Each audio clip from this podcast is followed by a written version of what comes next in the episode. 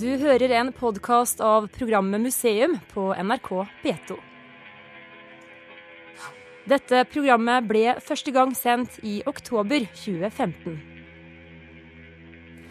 Når vi snakker om nordlys, ikke sant, romforskning og sånt, vi ser alltid for oss det som noe veldig avansert. Og så går vi her gjennom, vasser gjennom høyt gress og krattskog og kommer frem til disse enkle, små husene som Museum er i Tromsø.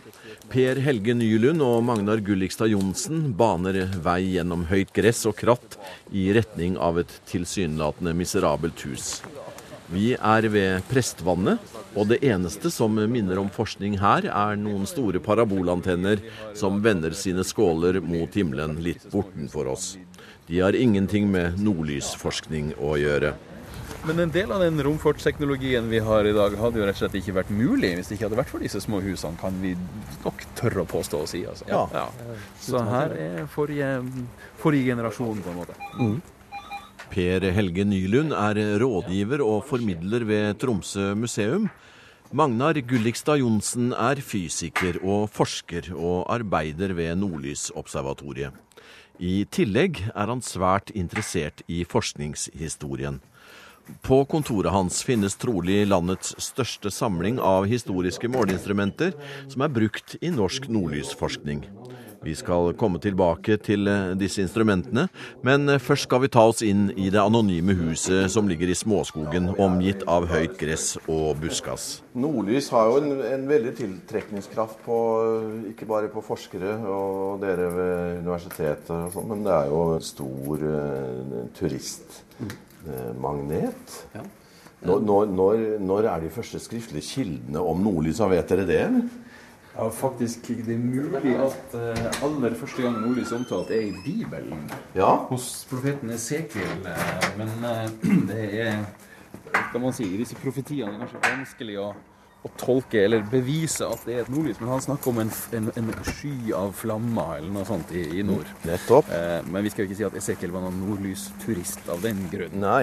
Men at folk har kommet til Nord-Norge og latt seg begeistre av nordlyset i, i flere hundre år, det er jo heva over tvil. Ja. Eh, Pussig nok så nevner ikke Petter Dass noen ting om nordlys. Han har jo ellers beskrevet alle detaljer ved nordnorsk, både natur og kultur, i sine mange sanger og diktverk. På hans eh, tid så, så var det sannsynligvis ikke noe nordlys å se. Nå går vi faktisk gjennom Tromsøs botaniske hage. Så, så å si ja, her er Her er det ikke sti engang. Nei. Vi skal ut til et eh, hus som ligger litt avsides til her oppe. Ja, det- det gjør det jo av en bestemt grunn. Vi må Håvamål at eh, den sti som vandres sjelden, den, på den gror det kratt og høyt gress. Er det dette stedet? Ja. Det her er variometerhuset til Nordlysobservatoriet. Det gamle variometerhuset. I dag så gjør vi målingene litt lenger bort. eh. Nå står vi utafor et hus. Det ser ut som et, et, et litt lite husbankhus med en eh, 15-20 graders fall på taket. Eh, Det er metallplater der, da, men det er vel ikke magnetiske antagelig? Nei, det er aluminium, og aluminium har samme magnetiske egenskaper som luft. Akkurat. Men det, det som er eh, artig, det er at vi står ikke og ser på ett hus, vi står og ser på to hus. Som du vil se når vi går innom. Ja. Ja, jeg, jeg må jo si at eh, det, det, er, det er jo ikke noe sånn vakkert uh, utseende hus. Det ser ikke flott ut. Det ser ikke ut som Nei, noe ja, veldig... forskningsmessig. Nei, det gjør jo ikke det. Og det er også en veldig mangel på vindu her. Så det ser heller ikke ut som også? som noen ville bo. Oi. Um, Her står det en uh, sekk med kapp, antagelig ved, og så står det et alvorlig skilt 'Høyspenning livsfare' med en rød gnistrende pil. Men det er bare for å skremme bort uvedkommende. Det er Ja. ikke noe Det er ikke, det er ikke farlig. Nei.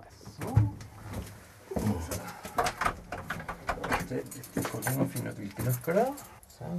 Ja, nå har jo vært en, eh, en gang og en mellomgang. Ja, nå er vi inne i hus nummer to. Ja, det her er dør nummer tre vi skal gjennom. Ja. Vi skal til sammen gjennom fire dører. Så nå går vi gjennom veggen på det første huset. Så kommer vi Nei, har du sett, da? dette er omtrent som å gå inn i gravkapet Ja. i pyramider. Ja. Ja, det må jeg si. Oi, her kom det varme, litt varme ut. ja. Hvis du lyser innover her nå, Ja. så ser dere at det her huset Det er et hus inni huset. Og den ytterste veggen, da, Ja. den ytterste delen, den er en halvmeter med torv. Nettopp. Og så har vi en kasse med lafta plank inni her. Ja. Så innover korridoren her så kan du gå, og så kan du komme ut på motsatt side. Så du kan gå rundt hele veien den indre Ja. konstruksjonen. Skjønner. Og Det er fordi at målingene eh, som ble gjort, de eh, var veldig temperatursensitive. Så her gjelder det å holde temperaturen konstant gjennom året. Så derfor er det konstruert på denne måten. Lukke døra bak der.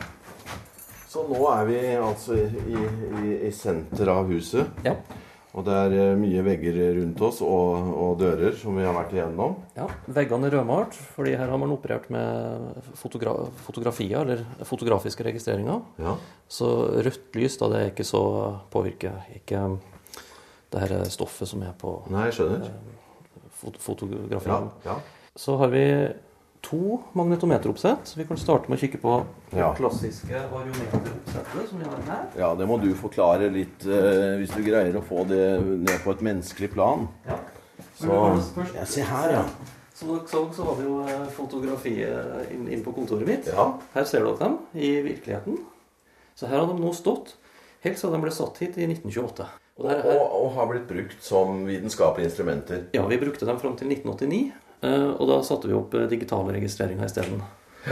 Eh, og så hadde vi de digitale registreringene i naborommet her, før vi flytta dem til et nytt bygg eh, litt lenger bort i, i bakken her. Så det vi ser her, det er et såkalt eh, klassisk variometeroppsett av typen eh, Eschenhagen. Det er en tysk eh, design. Ja. Um, og du, som du ser, det er tre, eh, eh, tre forskjellige instrumenter. Og det er ett instrument per komponent. For jordas magnetfelt er tredimensjonalt. og Derfor trenger du tre instrumenter for å måle alle tre komponentene av magnetfeltet. Du har misvisninga, den totale styrken på feltet, og hvor bratt det er. Um, her oppe i nord så står jo magnetfeltet nesten vertikalt. ja. Skjønner du det her, Nylund, eller? Du, Jeg har fått se noen bilder som illustrerer det litt, så for meg er det litt lettere. Men kan du beskrive instrumentene, da? Det er, eh, hvordan, hvordan de ser ut? Det er, det, det er jo ikke å sammenligne med noe. Ja, ikke sant? De ser veldig merkelige ut. Eh, Selve instrumentet det er det som er inni ringene her.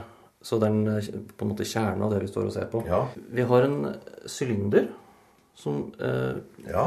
eh, på toppen av instrumentet. Og i den sylinderen så henger det en kvartstråd. Mm. Den, den ser vi jo ikke fordi den er inni der. Ja. Men i enden av kvartstråden så henger det en liten magnet. Og, et, og på magneten er det montert et lite speil. Og så har vi den boksen som består, er den nederste delen av instrumentet. Inni der, eh, Inntil den så er det en linse. Så hvis man kikker inn der, så kan man eh, se at magneten henger der. Det er mulig vi har fjerna magnetene Ja. her fordi det ikke skulle påvirke de andre målingene. Men, men den er det jo bare å henge på igjen i så fall. Så hvordan det her fungerer, da, er at vi har en lyskilde her borte Ja. som lyser inn på det lille speilet som henger på magneten. Nettopp. Og da reflekterer jo det speilet bort på en registrator som vi har her. Vi kan kikke grundigere på registratoren etterpå. Men da er det sånn at når du får endringer i magnetfeltet, f.eks. pga. nordlyset, så vil denne lille magneten bevege seg litt. Og da vil den reflektere eh, lysstrålen til ulike steder på registratoren. Så da får du ut eh, de variasjonene i form av en kurve på registratoren. Jeg syns akkurat dette med refleksjon av lyset her er interessant, Magnar. fordi som du sa, så er veggene her inne rødmalt for Ja. ikke å forstyrre en, en fotografisk prosess. Og vi befinner oss jo faktisk inne i et kjempestort kamera, på en måte. Ja. Der lyset både kommer inn, eh, treffer instrumentet og reflekteres tilbake på en bestemt måte etter hvordan magnetfeltet har beveget seg. Og så blir det altså registrert her borte på fotografisk papir, som vel satt fast på en trommel som brukte kanskje et døgn på å gå rundt, slik at man eh, fikk de målingene inn. Ja. Så det er altså en måte å registrere på som, eh, ja, som datateknologien har gjort overflødig, men som er veldig sinnrik og Ja. eh, veldig oppfinnsom, syns jeg, for sin, sin tidsalder. Vi befinner oss inne i et enestående spesielt hus ved Prestvannet i Tromsø. Huset tilhører Nordlysobservatoriet og er pga. materialvalg og byggemetode helt uten magnetisme. Helt siden 1928 er det foretatt målinger av magnetfeltene herfra. Per Helge Nylund i Tromsø museum og nordlysforsker Magnar Gullikstad Johnsen fremhever at dette er viktig historie, og at tromsøværingene har grunn til å være stolte. Nå forlater vi variometerhuset og skal høre en liten artig historie om at målingene plutselig begynte å variere. Ja, det var døra si, det. Hvis du ikke får solgt den- den der til Radioteatret, det ja, det, det var flott, altså. burde dukke opp i neste grøsser. Ja, ja, ja, ja.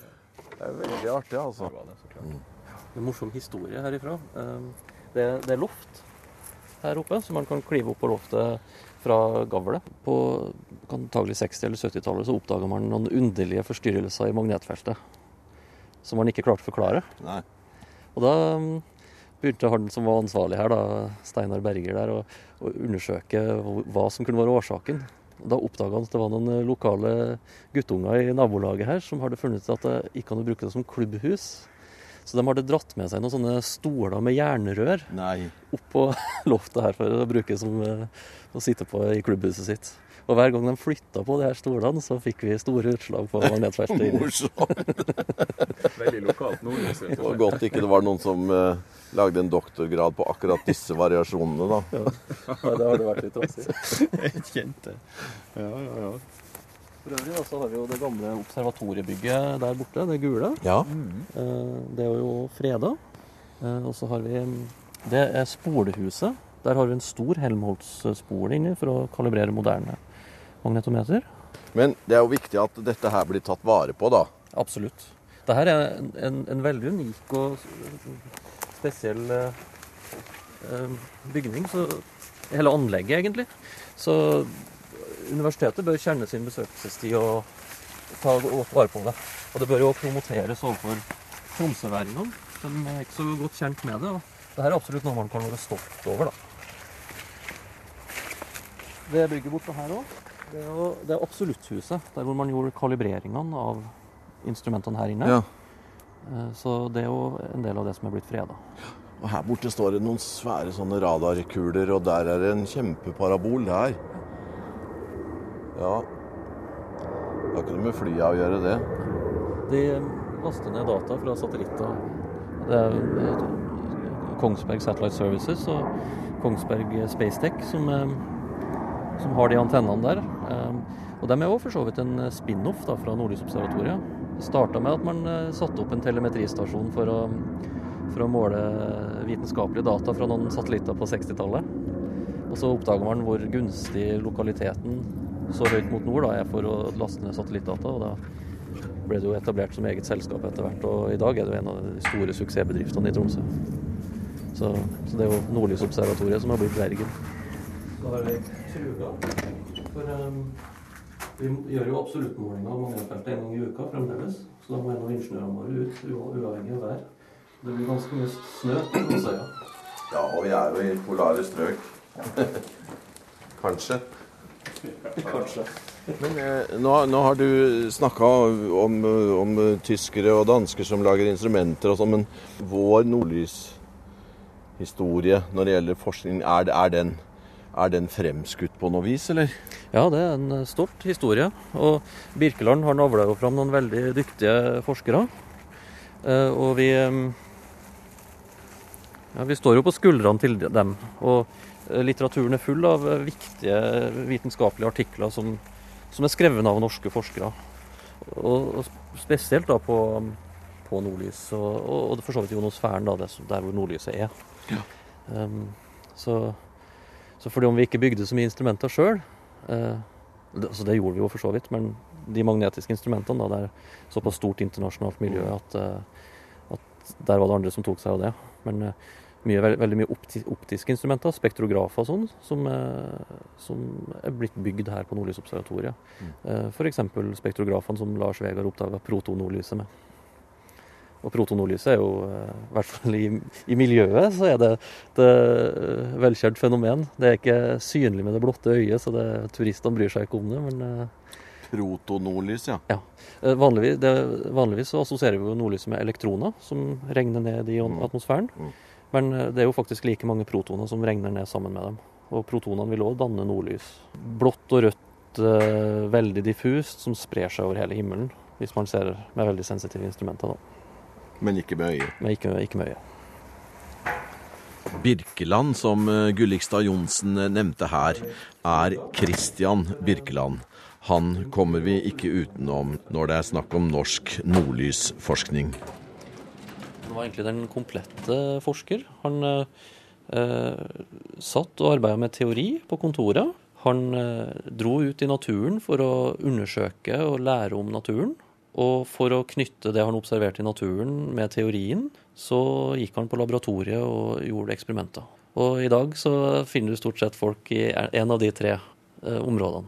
Så eh, virkelig eh, en enorm kapasitet rent eh, vitenskapelig. En stor inspirasjonskilde, helt sikkert, for studentene sine. Han har jo avla fram en, en, en, en skare med etterfølgere som òg har gjort, satt sitt preg på, på denne historien. Um, så, så det han starta, det har virkelig, eh, virkelig satt sine spor, rett og slett. Så der har vi som nordmenn alt å være stolt over. Det er jo veldig dumt at han fjernes fra tornelappen, egentlig. Ja, og det er vel ikke det navnet som eh, er lengst fram i bevisstheten eh, når det gjelder norske helter i vid forstand. Nei, det, det, det merkelige Jeg husker altså, Da jeg lærte om Christian Birkeland Jeg husker av en eller annen grunn forelesninga eller timen på skolen. Og da var det jo som grunnlegger av Norsk Hydro sammen med Sam Eide at jeg lærte om den. Det var ikke før jeg begynte å studere at jeg ble oppmerksom på at han faktisk var nordlys. Han var jo først og fremst en nordlysforsker, og eh, deretter en, eh, en gründer. For all denne gründervirksomheten hans og innovasjonsarbeidet, det var jo for å skaffe penger til denne nordlysforskninga. Ja. Så Så hans jobb både med en elektromagnetisk kanon, med det første høreapparatet i Norge, med røntgenstråler og forskjellige andre ting som Birkeland var borti, det var sånne nærmest litt sideprosjekt eh, da, for å lære mer om eller finansiere nordlysforskninga hans. Det var nordlyset som lå hans hjerte nærmest eh, hele, hele livet. Og hans egne maskiner for å konstruere nordlys i laboratoriet er jo også helt fantastiske saker som vi er så heldige å ha fortsatt i Norge. Det er en veldig fin miks her av eh, dataskjermer, forskerens eh, instrumenter i dag, og så er eh, hyllene her eh, flott dekorert med disse gamle instrumentene i tre og metall. Skal vi se. Det var det neste fantastiske gamle instrument. Og Også en flott uh, trekonstruksjon, men også mye metall. Men du får bare bære den fram. og Så det her er altså et såkalt Q-pattern unifiliar magnetometer. Um, så hva skal vi kalle det? Et unifilart magnetometer av typen Q. Og da er det Q utafor London vi snakker om. Um, et av de tidlige og, og berømte magnetiske observatoriene lå eh, da ved Kings Observatory i Richmond, som ligger rett sør for Q. Men eh, jeg forstår jo ikke enda hva det eh, brukes til. Nei. Uh, instrumentet brukes til å måle styrken på horisontalkomponenten, som vi snakker om. Den kraften som holder kompassnåla på plass. Ja. Altså, hvis du prøver å flytte på kompassnåla, så stritter den litt imot. ikke sant? Ja. Det er akkurat den kraften du måler. Å ja. Eh, og så kan du òg måle misvisninga med dette instrumentet. Men det er ikke så enkelt som å måle styrken på magnetismen. Jo, Ja. det er rett og slett det. Og eh, måten man gjør det på, er at man svinger magneten. Og så teller man antall svingninger. Veldig likt eh, måten man måler gravitasjonsfeltet med. Altså 9,8. Eh, Det gjør man ved å, en pendel, rett og slett. Hvor man, eh, ja, alle, alle har vært borti pendelen på naturfaglaben, det er jeg sikker på. Ja. Hvor du trekker den ut til sides, og så slipper du den, og så Ja. pendler den opp og fram, og så teller du antall eh, svingninger, og så klarer du å regne ut eh, tyngdekraften basert på det. Så det er helt analogt med, med den eh, måten å måle kraft på. Jeg glemte det òg, ja. Uansett, det her er sannsynligvis det eldste instrumentet vi har på kontoret her. Men det her er da altså til nummer 38, og der har jeg, den har en fantastisk historie. Jeg har funnet ut at første måling med den i Norge skjedde i Kristiania Observatorium 2.10.1876. Dette instrumentet befant seg da opprinnelig der. Men det var ikke der så lenge, for eh, på Vøringen-ekspedisjonen 1876-1878 så var det med. Så det her er kompanjongen til Elliot Bro nei, til um, Dover nummer 24. Var han på samme turen? Ja, Så med Dover nummer 24 og det her, så klarer du alle tre komponentene. Ja. Og så var den i Bossekopp på Polarstasjonen der, 1882 til 83, før den var tilbake i Oslo, hvor den ble brukt som eh, instrument for målingene fram til 1919. Det står òg at eh, Birkeland hadde med seg en sånn en, på sin ekspedisjon 1902-03. Og det må være denne her, for den andre som jeg har klart å gjøre redde for, den kom ikke til Norge før i 1941. Så mange, mange år etterpå, med andre ord. Magnar Gullikstad Johnsen er nå den siste ansatte som er igjen i det gamle Nordlysobservatoriet. Det skal nå flytte til universitetet, men målingene som startet i 1928 skal fortsette her, oppe ved Prestvannet. Da var det forskere som befant seg i Oslo, da, som var initiativtakerne. Og så var det en fortsettelse av eh, Birkeland sitt observatorium på Haldetoppen i Alta. Nettopp. Så her jobber vi nå med å fortsette de målingene som har snart pågått i 100 år. Og bare historien om hvorfor nordlysforskninga kommer til Tromsø, er også for så vidt eh, verdt å fortelle. fordi den har vel eh, Kanskje en, en, viktig faktor var at det er mer komfortabelt å forske på nordlys i Tromsø enn å sitte på Haldetoppen, denne fjelltoppen i nærheten av Alta. Ja, så Grunnen til at man bygde et observatorium på fjellet i første omgang, var jo at da man ikke kjente så mye til nordlyset, så trodde man at man var nødt til å være høyt oppe for å kunne studere Ja. nordlyset. Og jeg for- forsto at eh, Birkeland eh, han holdt faktisk på å gå fem på under en ekspedisjon. For eh, han hadde ikke tatt eh, høyde for kulde og, og vær, har jeg lest. Jeg vet ikke om det stemmer, at det var så vidt de overlevde. Det første forsøket var en stor fiasko, hvor de eh, både ble forfrøssen og, og livet sto på spill, rett og slett. Og slik eh, fortsetter han. Henter fram det ene instrumentet etter det andre. Forteller dets historie og bevegelser i landet. Ett har til og med vært på en ekspedisjon i Antarktis, om bord i hvalkokeriet Torshavn, for eksempel. Gullikstad Johnsen bruker mye tid på å grave fram historiene bak instrumentene. Og Per Helge Nylund ved Tromsø museum er begeistret for forskerens historiske interesse. Jeg tror vi kan si at Magnar har et veldig godt og sunt forhold til fortida i sitt eget fagfelt. Eh, og så er han jo av dem som da eh, Ja, jeg vet ikke hva slags instrumenter han bruker mest i dag. Han har sikkert lyst på, på nye og fine instrument også, men han ser jo at eh, dagens forskning har en sammenheng med det vi, det vi ser her. Og, og det er jo det som er så unikt også, at ikke bare har vi instrumentet her, men vi har også den forskninga som hører til, og som blir gjort med hvert enkelt av disse instrumentene. Eh, og det er en sånn komplett dokumentasjon av den prosessen som tidligere fysikere har gjort, og som har satt så store spor i romfysikkhistorien. Det er jo jeg som har ansvaret nå for å fortsette de magnetiske målingene. Ja, Så, så jeg føler meg jo som en del av en lang tradisjon. ja. Og eh, de her instrumentene de representerer jo på en måte starten på det jeg holder på med. Så jeg får en slags eh, sånn ærbødighet overfor alt sammen. da. Og får får også veldig sterkt eh, behov for å ta vare på det her og sette dem inn i konteksten, Ja. den historiske konteksten. Ja. For eksempel, man, man kan søke på Dover-inklinatorium på eBay og kjøpe et. ja. Men da er det jo bare en ting.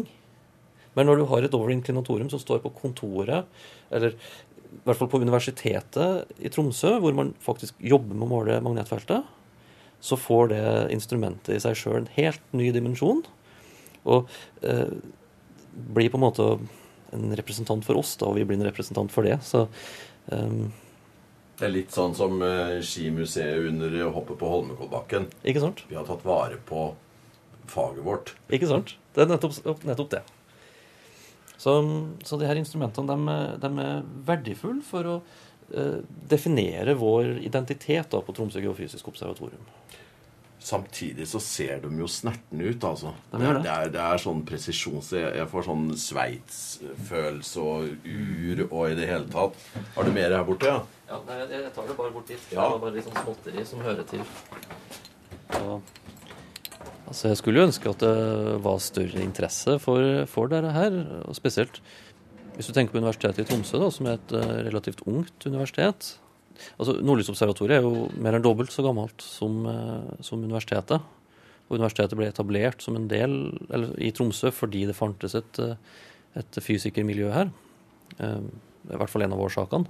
Så det å få så unge universiteter forunt å ha en så ærerik og gammel historie som de kan vise til, det burde jo egentlig løftes opp og fram og vises fram.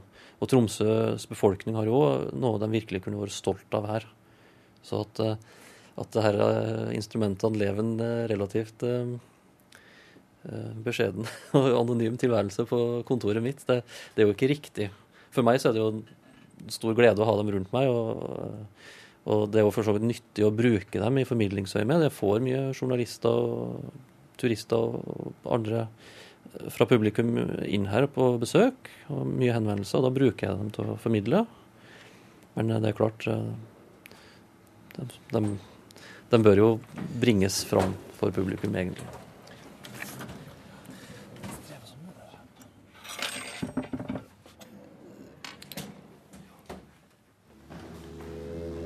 Du har nå hørt en podkast av programmet Museum fra NRK P2.